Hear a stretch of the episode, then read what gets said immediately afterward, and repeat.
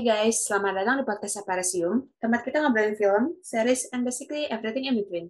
Kalau lo baru pertama kali dengar, hai, gue Nesa, dan di sini gue rekaman bareng Iqbal. Hai, Halo. happy anniversary buat Aparisium.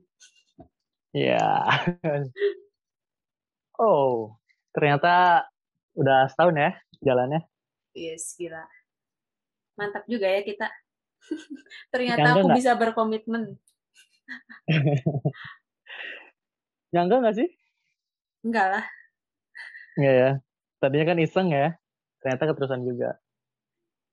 Karena mungkin kitanya juga nikmatin sih ngobrol ngobrol film karena kan emang udah hobi juga kan. Jadi Iya. ya kayak dikasih tempat gitu buat curhat kalau udah nonton. Sebenarnya ini sih yang yang yang yang gue pengen juga yang gue suka itu yang yang gue jalanin gitu loh. Widih, Ya, siapa tahu ya- dapet jadi itu ya, film Twitter. Enggak, mungkin kalau mungkin mungkin kalau lu, lu udah agak lumayan deket, tapi kalau gue masih jauh sorry ya, gue masih tertinggal. Gue belum, apalagi kalau sinetron kayak gitu, ah enggak. Anak-anak bioskop independen, gue sih belum. Tapi ya udahlah, kita nikmatin dulu aja, baru baru setahun, baru baru megar lah. Udah. Eh, ke depannya mungkin semoga eh, yang penting kita berduanya aja dulu, nggak bosen sih itu. kalau nontonnya kita nggak nggak mungkin pernah bosan ya tapi kalau misalnya kitanya bo- bosan recording itu sih yang paling yang paling ditakutin gitu. daripada kita non berhenti nonton nggak mungkin kan tapi kalau berhenti nge-record podcast itu mungkin aja gitu kalau salah Iya. satunya ada yang bosan ya udahlah oke eh, masuk episode 42 sebelumnya mohon maaf kalau misalnya ada suara yang kurang jelas karena kita recording via zoom ya langsung masuk aja ke berita mingguan seperti biasa. Eh, mungkin dari lu Nes, lu nulis berita apa aja buat minggu ini? Oke, Eh, yang pertama itu berita cukup sedih sih soalnya Generation di cancel sama HBO. Itu padahal itu series yang menarik sih di tahun 2021. Sayang banget. Eh, yang kedua ada kalau dari film Indonesianya ada pengumuman cast dari filmnya Molly Surya yang baru, judulnya kan Perang Kota. Diangkat Hmm. dari novel Jalan Tak, Uj- Tak Ada Ujung. Dan cast-nya ini kemarin cukup menghebohkan Twitter. Ya, ya. ya. yang nebak-nebak gitu ya. Lu nebak gak sih siluetnya? Nggak, nggak ikutan. Gue nyoba sih, tapi ah, gue sih kayaknya siluetnya terlalu ngecoh deh. Iya, emang. Apalagi yang cewek itu ngecew banget sih. Itu dia. Siapa orang yang Lukman. berpikirnya itu itu lebih mirip Cut Mini daripada Ariel Tatum. Iya. Lu lu lihat tebakan gue nggak? Eh, lihat sekilas, tapi udah lupa. gue nebak Herjonot Ali, uh, Cut Mini sama Belon Pelara itu. Eh, so, Cornelius Sony. Cornelius Sony. Gua soalnya yang cowok yang paling kiri tuh itu mirip kayak Herjunot deh dari rambutnya tapi ternyata Jerome Kurnia. Ya udahlah terserah. Itu itu banyak banyak yang jawab soalnya kan ada hadiahnya juga kan. Ya udahlah iseng gua nyobain aja gitu. Ternyata kayaknya nggak ada yang menang sih. Soalnya emang meskipun hadiahnya gede, kayaknya si mereka berani ngasih hadiah gede, itu kan ngasih hadiahnya satu juta katanya kan.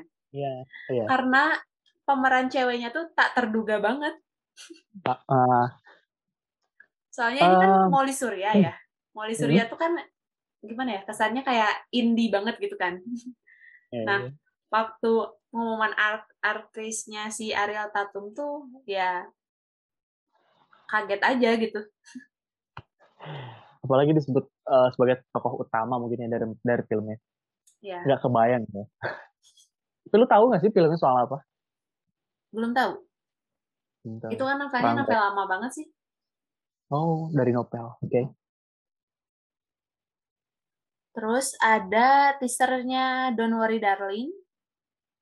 Itu baru berapa detik ya? baru ngeliatin si Florent Pugh sama si Harry Styles-nya sekilas-sekilas doang. Ya. Ya. Eh, dan untungnya ada itu sih, pengumuman tahun rilisnya.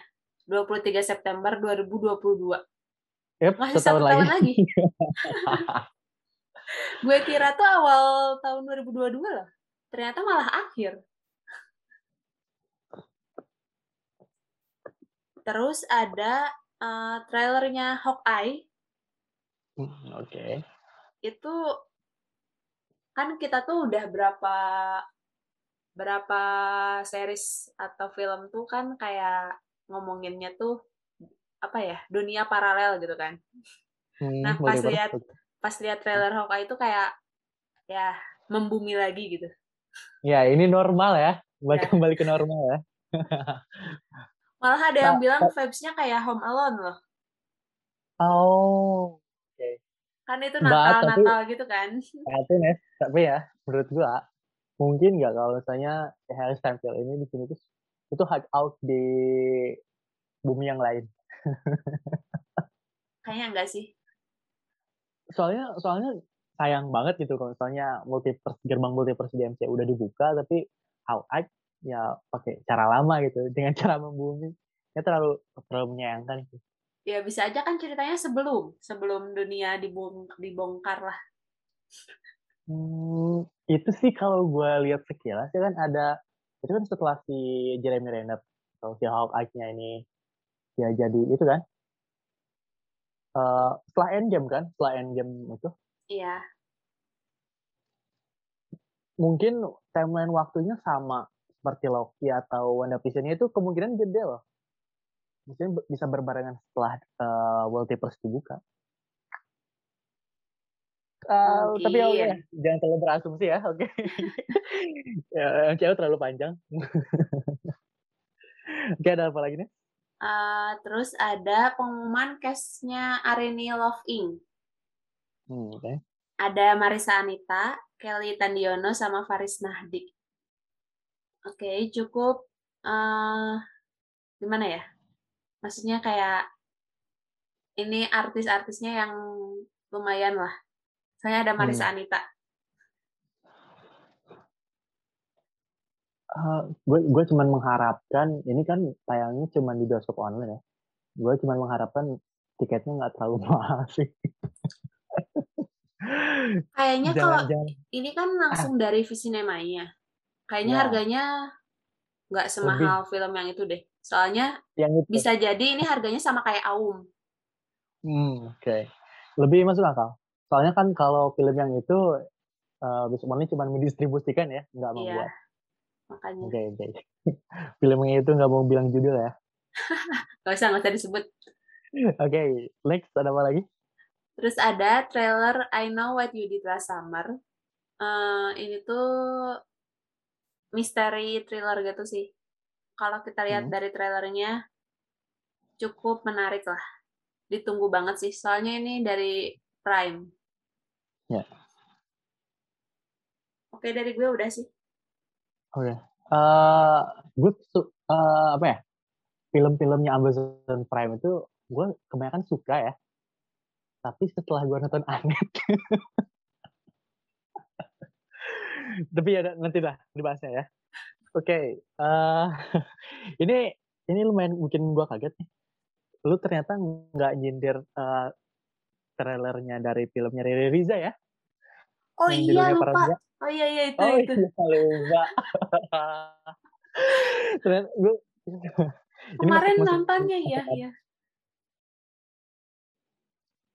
Oh, ternyata nggak nggak masukin itu ya nggak kaget tuh ini ada ter- kalau film film barunya Riza ini baru keluar trailernya judulnya Paronia Em, gimana tanggapan lo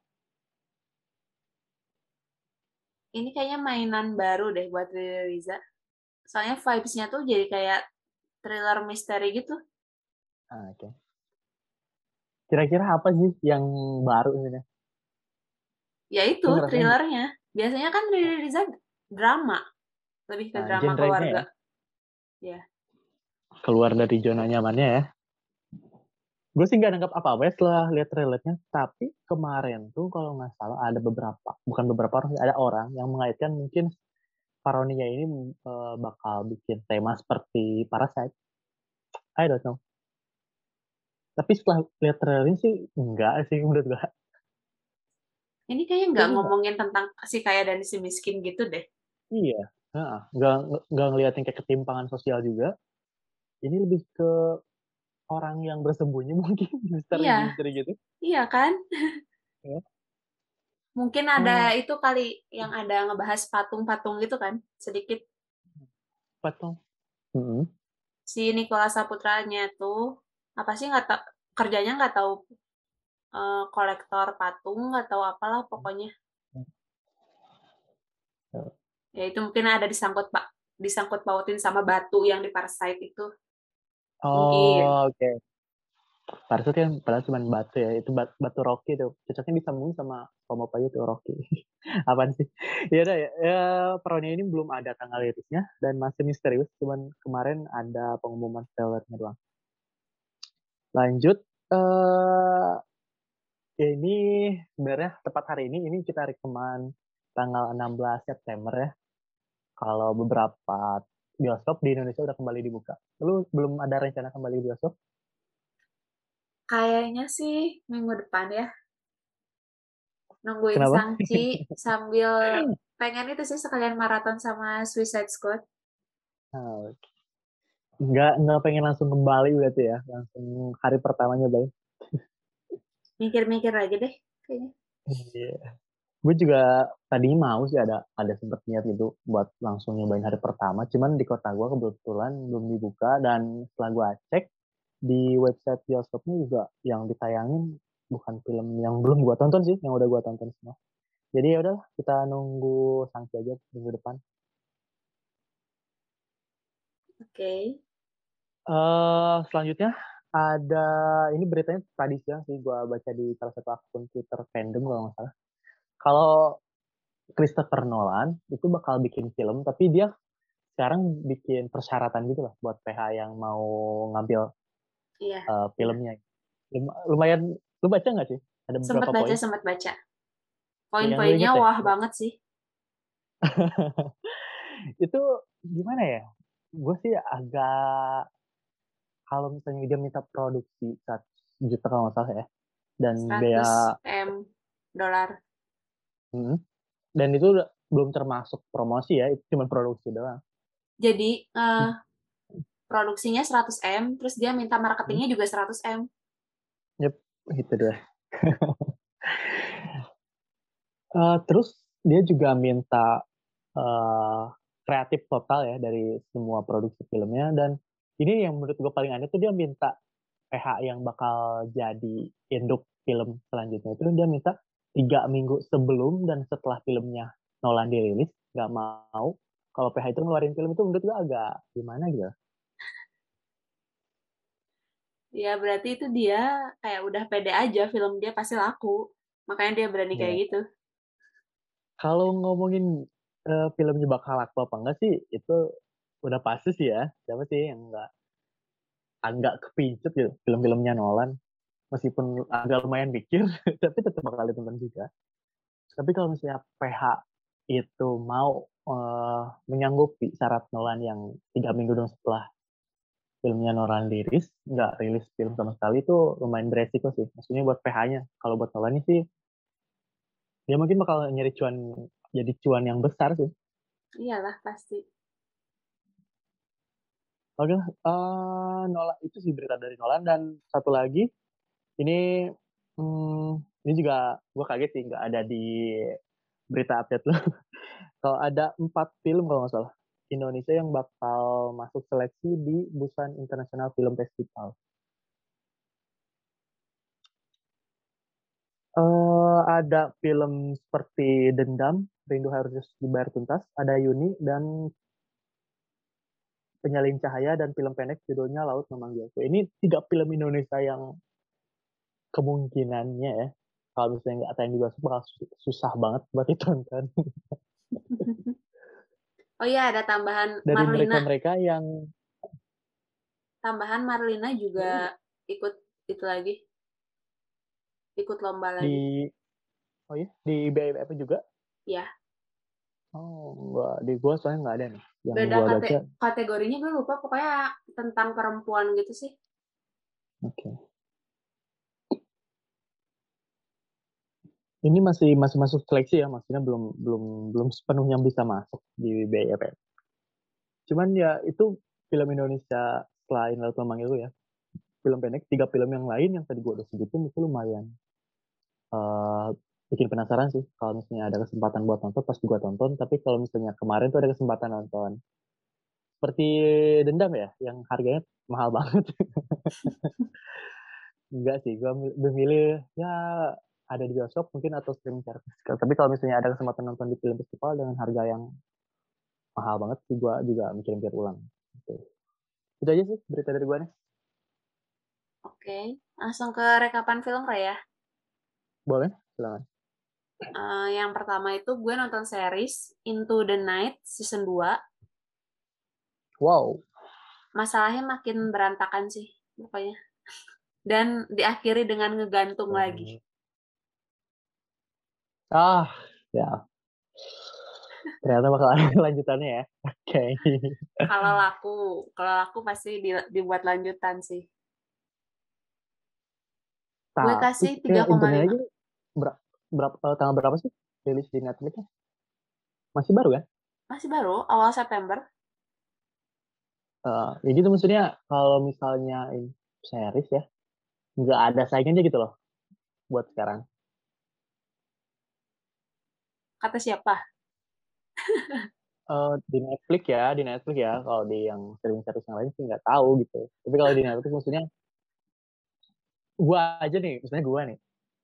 Gua kan belum ngelanjut berlangganan Netflix ya karena gua nu- nunggu season 3 gue nggak kepikiran gitu maksudnya kalau berlangganan Netflix sekarang mau nonton apa gitu. Lu, lu jarang nonton series sih. ya itu Eh, Oke, terus filmnya gue nonton Cat. Ini sih jadi film action biasa aja.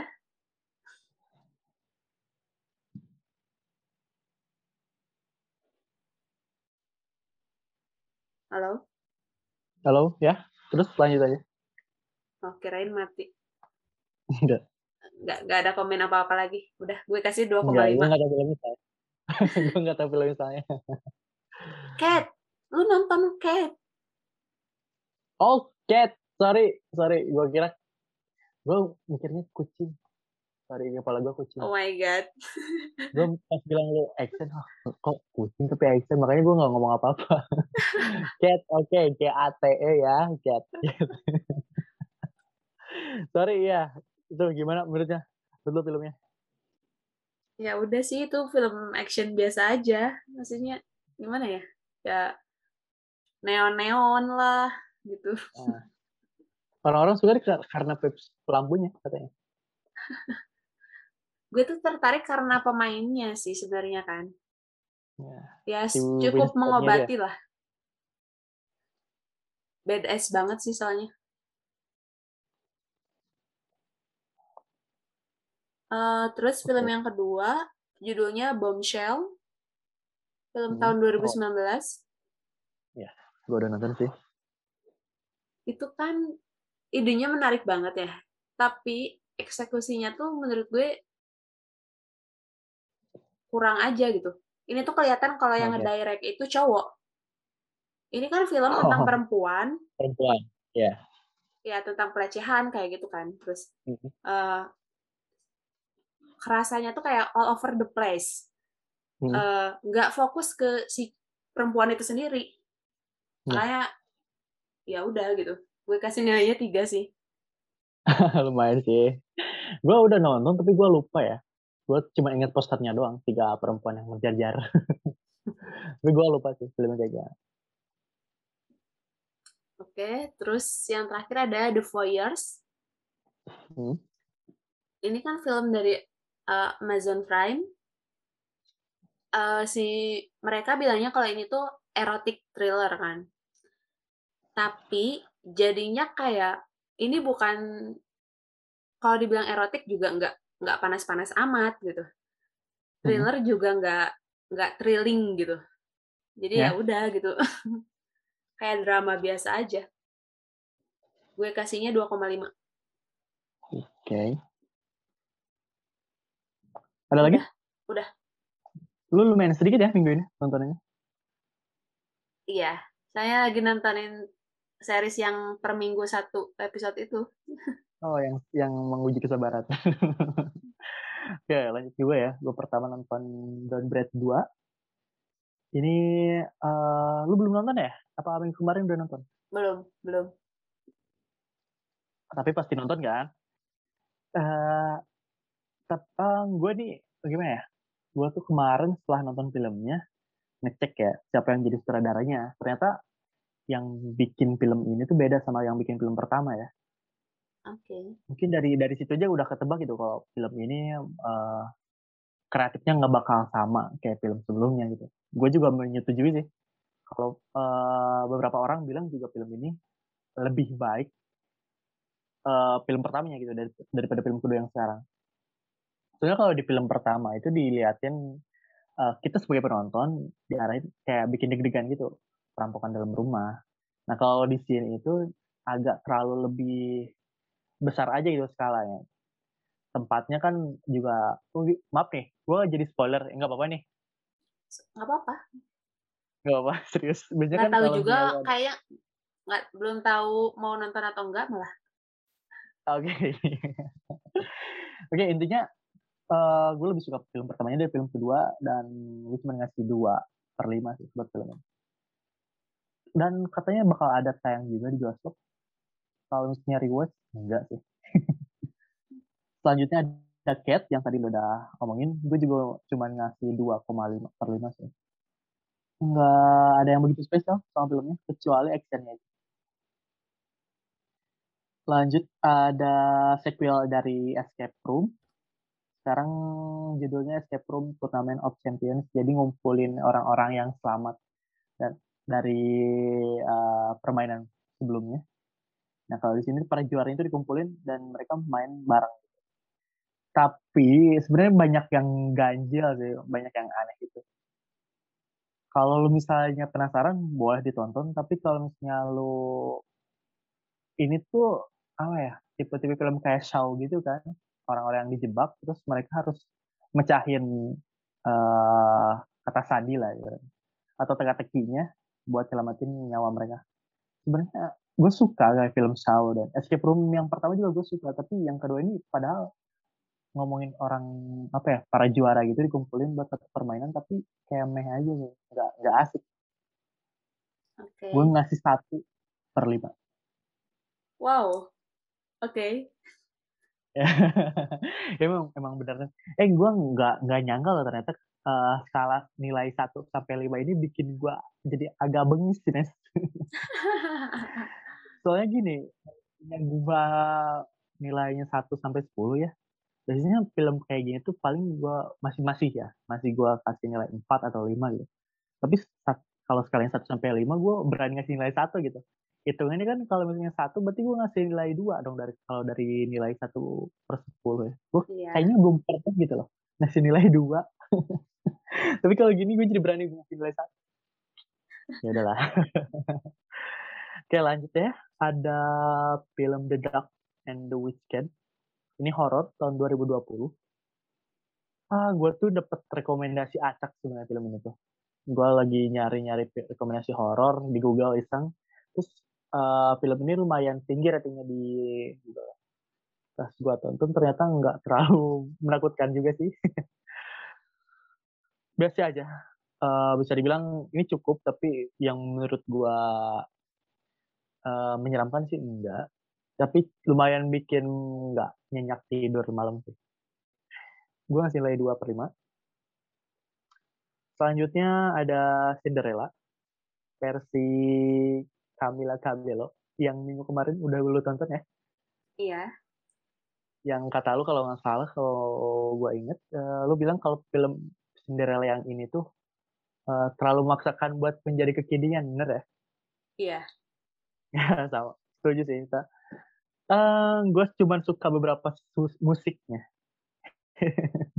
yang gue hafal karena gue ikut nyanyi. gue ngasih nilai 2 per 5. Oke. Okay. Dan sebenarnya ada satu film lagi yang tapi ini udah dua hari gue tonton tapi belum tamat-tamat judulnya Anet. Mungkin tiduran terus nih. Gak usah dipaksa. Uh, kebetulan gue lagi nggak ada itu sih, nggak ada film lain belum belum nyari lagi. Jadi gue pengen ngabisin dulu library gitu. Kan gue setiap minggu pasti diperbarui library tontonannya. Nah minggu ini tuh terakhir ya Anet cuma satu-satunya lagi. Jadi mau nggak mau ya paksain aja gitu. Mungkin okay. setelah ini gue lanjutin lagi. Oke, okay, itu tontonan dari gue minggu ini. Oke. Okay. Uh, eh, sekarang kita bahas film yang cukup menggegerkan warga Twitter juga. Soalnya ini James Wan akhirnya balik lagi ke ranah horor. Ya, setelah Aquaman ya. Gimana tuh menurut lo? Secara garis besar dulu deh. Uh, nggak kepikiran. Gue itu sih. Nggak kepikiran. Gue gue gue cuma nebak. Tapi salah gitu. Dan iya iya iya. ngerti ngerti. gimana sih? Gue kepikiran sih kayak gitu. Ah gila. Ini tuh bukan hantu ya? Dan siapa sih yang nebak kalau ternyata yang jadi antagonisnya itu ya si protagonisnya gitu? Kalau lu gimana sebenarnya gue tuh abis lihat trailernya tuh ngiranya kan cuman hantu-hantu biasa kan jadi jujur hmm. nggak hmm. pasang ekspektasi makanya kaget yeah. waktu nonton tuh soalnya uh. ini tuh kayak gabungan semua karya James Wan kayak kita oh, iya? dapat yeah? kita dapat slashernya dari Saw revenge hmm. storiesnya dari Dead Sentence ada sedikit horor supranaturalnya dari Conjuring Universe-nya Bahkan sampai kerasa ada aksinya dari Aquaman. Aksi, ak oh ya ya. Kan dia yang adegan berantemnya itu tuh gue ya, kayak wah. polisi.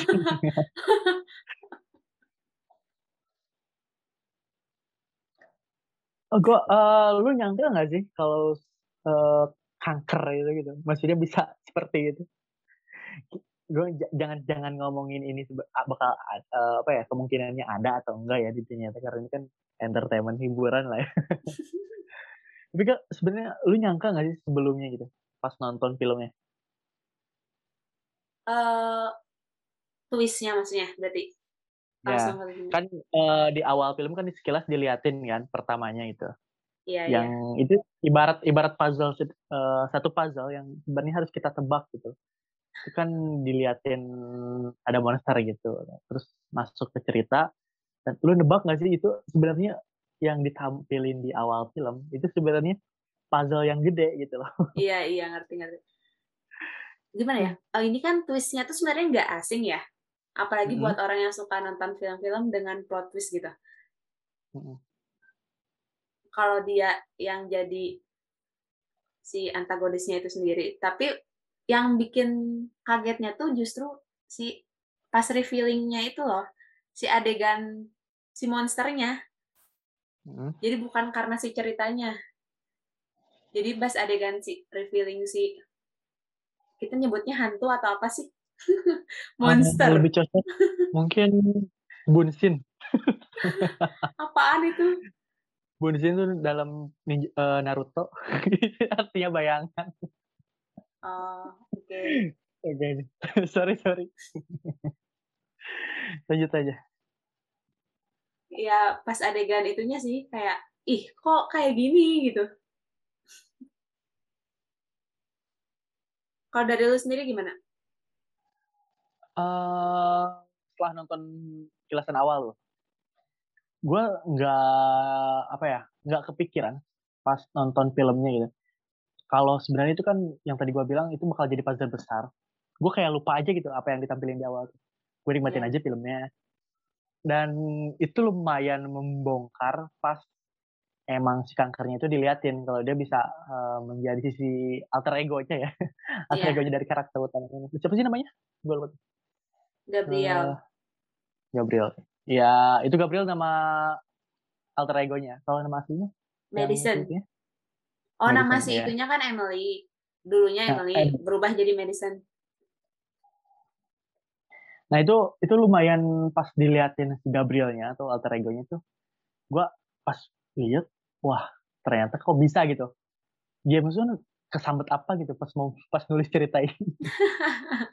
Terus yang kepikiran kalau kang ini kan pertama dilihatin sebagai kayak kanker gitu kan. Kalau kalau ternyata ini bukan kanker, lebih ke embrio yang nggak berhasil hidup aja. Iya, Dan si Gabriel ini kan dia eh, setiap mengancam eh, bilangnya mari kita potong kankernya gitu. Itu lumayan mengecoh sih. Gua, apa bener ini karena kanker? Nah, satu lagi eh, adegan yang lumayan mengecoh itu pas adegan si polisinya yang dia ngejar. Ini ya, iya, iya, iya. itu kan kalau nggak salah si ya, si Emily-nya itu kan lagi di sel kalau nggak usah nggak salah ingat ya. Bener nggak? Sebelum, sebelum, sebelum masuk sel. Oh, sebelum sih. Soalnya gue lumayan agak itu pas pas gue tahu kebenarannya ya di ending film, gue jadi kepikiran ke situ. Eh, si polisi kan ngejar si Gabriel nih, ke si Gabrielnya dan gue ingatnya kalau si Emily itu di sel gitu. Nih kalau misalnya mereka dalam satu tubuh yang sama kan kemungkinan enggak ya. Mungkin gue agak lupa sih di situ. Bagus lah ya. Ini lumayan merekomendasikan, direkomendasikan sih buat minggu ini tontonnya. Eh, ini nggak bikin apa ya, nggak bikin jelek mood makan, karena nggak terlalu banyak juga sih meskipun ada yang lumayan gore. Yang terus bikin takut juga kayaknya kalau misalnya udah setengah cerita dari eh, pertengahan sampai akhir karena udah terkuak ya kalau ternyata itu adalah alter egonya si Emily itu nggak menyeramkan sih setelah terkuak kayak gitu. Tapi kalau misalnya teror awal sampai pertengahan yang si Gabrielnya eh, apa ya kelihatannya kayak beda lagi gitu atau hantunya itu lumayan bikin takut. Tapi setelah eh, ketahuan itu malah bikin kita enjoy sih nontonnya. Iya, iya. Kalau dari secara cerita sih gue suka karena ini kan gabungan dari haunted house, slasher trope sama misteri investigasi detektif kan. Menarik Ya. gitu. Terus eh, di film ini James Wan tuh justru tanpa basa-basi gitu. Kita langsung disuguhin misteri aja. Kebalikan dari film James Wan lain. Biasanya kan film-film dia tuh pengenalannya lambat ya. Nah, justru di sini malah cepet. Soalnya kan si pengenalannya ada di akhir cerita tuh. Mm-mm. Jadi ini tuh makanya beda banget sama film hantunya James Wan yang lain. Kerasanya gitu. Dan menurut gue ini berhasil sih. Iya, Satu lagi ya eh, adegan atau scene yang lumayan mengecoh itu si Emily kan eh, kalau setelah setelah si Gabrielnya beraksi membunuh orang, si Emily kan diliatin dia berdarah ya di bantalnya atau dalam posisi tidur ya. iya. Itu sebenarnya itu sebenarnya clue ya, clue yang jelas banget. Tapi lu kepik nangkep nggak sih? Enggak, enggak. Gue enggak mikir ke situ sih. Iya nih, gue juga wah ini mungkin karena dibentur suaminya aja ini. Dan setelah dibentur suaminya kan dia si Emily ini kayak nggak keliat nggak diliatin dia berobat kan. Iya, benar. Heeh. Ya, dan menurut gua ah, ya udah sih itu mah mungkin karena dia yang malas berobat dan rumahnya berhantu mungkin takut juga. Sebenarnya itu clue, clue yang ah, gua merasa gak merasa gagal sih maksudnya. Setelah beberapa puluh atau ratusan twist dari dari film ya, terus gua nggak belum belum sampai sekarang mecahin sebuah twist film. Gue tuh pengen gitu nyobain. Baru setengah nonton tapi gua udah tahu twistnya kayak gimana gitu Ya, meskipun gue sering ne- nebak tapi ya gagal lagi gagal lagi itu sih serunya nonton salah satu yang bikin gue seru suka nonton Oke, terus gue suka sama visualnya juga sih. Soalnya sih di sini kan dia main-mainin selain atmosfer, kita juga ditakut-takutin sama pergerakan kameranya kan. Kameranya dinamis Iya. banget gitu. Efeknya juga cukup bikin ngeri sih. Banyak darah Iya. kan. art produksinya juga keren sih itu tempat kan banyak yang gelap ya tapi kita masih apa ya nangkep gitu yang di diceritain sama Iya. filmnya itu meskipun tempatnya gelap dan di lorong-lorong kayak gitu. Tapi oke sih. Terus ya, gue tuh kalau dipikir-pikir lagi pengen ketawa, tapi waktu nonton tuh gue sempet nangis. Soalnya nggak tahu itu nggak tahu gue karena emang lagi mellow, nggak tahu karena emang gue suka banget sama Fun Family.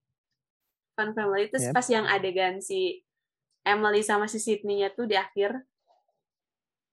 Si Emily-nya kan bilang kalau selama ini dia tuh selalu nyari re- relasi sama keluarga gitu. Padahal orang itu ada di depan dia. Hmm. Keluarga itu kan nggak harus ada hubungan darah kok. Ya, Dia akhirnya ngomong gitu kan. Adiknya. Ya, itu nggak tahu sih. gue lagi sedih aja kayaknya. Wow. Oh, gue gak bakal nyari tahu lu sedih kenapa mungkin. Tapi gue pengen nanya, lu puas gak sama ending dari film Legend ini? Puas-puas aja, soalnya gue emang nggak pasang ekspektasi. Oh, Oke. Em, biasanya ya kalau kita setelah nonton horor gitu, ini kan endingnya itu di rumah sakit ya, setelah si Emily sama adiknya ini berpelukan di depan ibu kandungnya. biasanya kan eh, film horor ya kebanyakan kalau misalnya setelah kejadian dalam satu hari itu, atau kita bilangnya eh, poin puncak dari sebuah film, itu setelahnya biasanya diliatin eh, tiga hari sebelumnya atau beberapa hari, beberapa bulan, beberapa tahun setelah kejadian itu. Tapi di sini kan enggak, seolah ya udah gitu loh masalahnya beres ya filmnya juga beres Bagus lah. Jadi nggak usah nggak ada gantung-gantungan segala. Jadi nggak ada, maksudnya jadi nggak nggak menimbulkan bibit-bibit sequel. nah menurut gua potensi bibit itu kan malah ada loh soalnya Apa? Gabriel di sini kan nggak diceritain dia hilang atau mati tapi dia cuma dikurung Oke. Eh, itu bibit sequel sih menurut gua kita lihat James Wan apa tebakan gua kali ini bener Aduh. Ada lagi yes Udah sih ini kayaknya ya emang buat kalau kita lihat dari tulisnya kan terkesannya konyol aja gitu ya. Tapi Mhm. yang yang kita cari itu justru bukan keseriusan. Mm-mm. Jadi emang tujuannya ya buat senang-senang aja, senang-senang terus eh, melempar kejutan kayak pamer kamera yang dinamis gitu kan. Ya. Ya nakut-nakutinnya kayak gitu aja. kalau misalnya lu nyari film horor yang bermain logika mungkin film ini nggak masuk list lu sih. Tapi kalau misalnya eh lu ngarepin film horor yang enggak pasaran yang enggak biasanya ya ini harus masuk list lu ya tonton sih. Gitu. Betul. lu ngasih skor berapa eh, buat film Maliknya nih Maliknya bener kan cara bacanya Maliknya Iya, iya, iya. Satu kalimat lagi deh. Ini kan film apa cocok buat yang suka fun family trope, body horror, psychological thriller, sama gaya kamera James Wan yang dinamis. Dan jadi gue kasih Ya. 3,5. gue juga sama 3,5 per 5 buat karya barunya James Wan Cukup puas ya. Puas ya lumayan lumayan eh setelah lama gitu nggak nonton horor dan kemarin kan eh, dari tadi kan gue sempet nonton horor nyoba nonton horor dan ternyata nggak sesuai dengan yang gue harapin nah Malignant ini mungkin penyembuhnya gitu lumayan mencukupi eh, keinginan gue nonton film horor gitu Oke. Thank you for listening. Gue Nesa pamit. Gue gue juga pamit terima kasih Bye.